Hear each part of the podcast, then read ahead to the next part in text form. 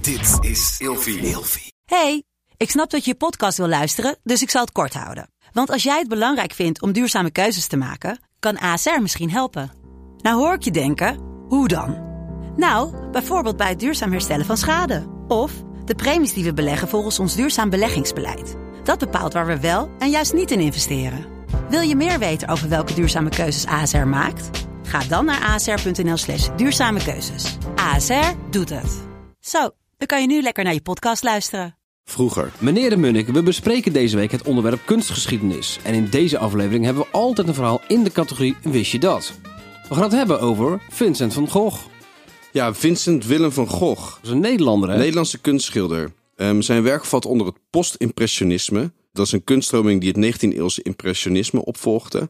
En hij had enorm veel invloed op het expressionisme, het fauvisme en eigenlijk wat als vroege abstracte kunst wordt gezien. Hij voelde zich eigenlijk tijdens zijn leven totaal onbegrepen, omdat zijn radicaal vernieuwende manier van schilderen eigenlijk ja, zo nieuw was dat niemand hem daar credits voor gaf. Hoezo was zijn manier van werken dan anders voor die tijd?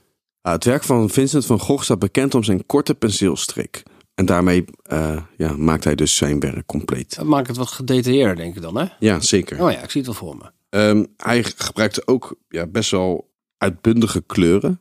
Dus dat zorgt ook al voor een, een heel erg ja, expressionistisch idee.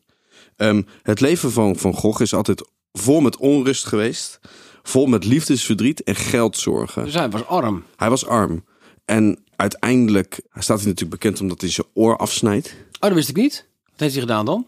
Ehm, hij kwam uiteindelijk in enorme eh, psychische problemen terecht. Hij heeft zich ook laten op opnemen in een psychische inrichting.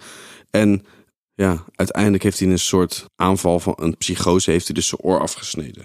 Oh joh.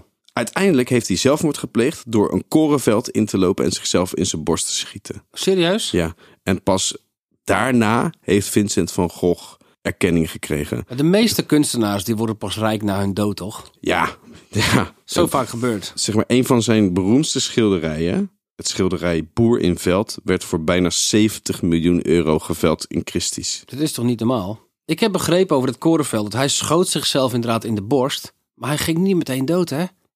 Eh, Heeft hij, is hij gewoon doodgebloed? Twee dagen later. Dat, dat is dus precies een soort samenvatting van zijn, van zijn leven. Tot morgen. Vroeger.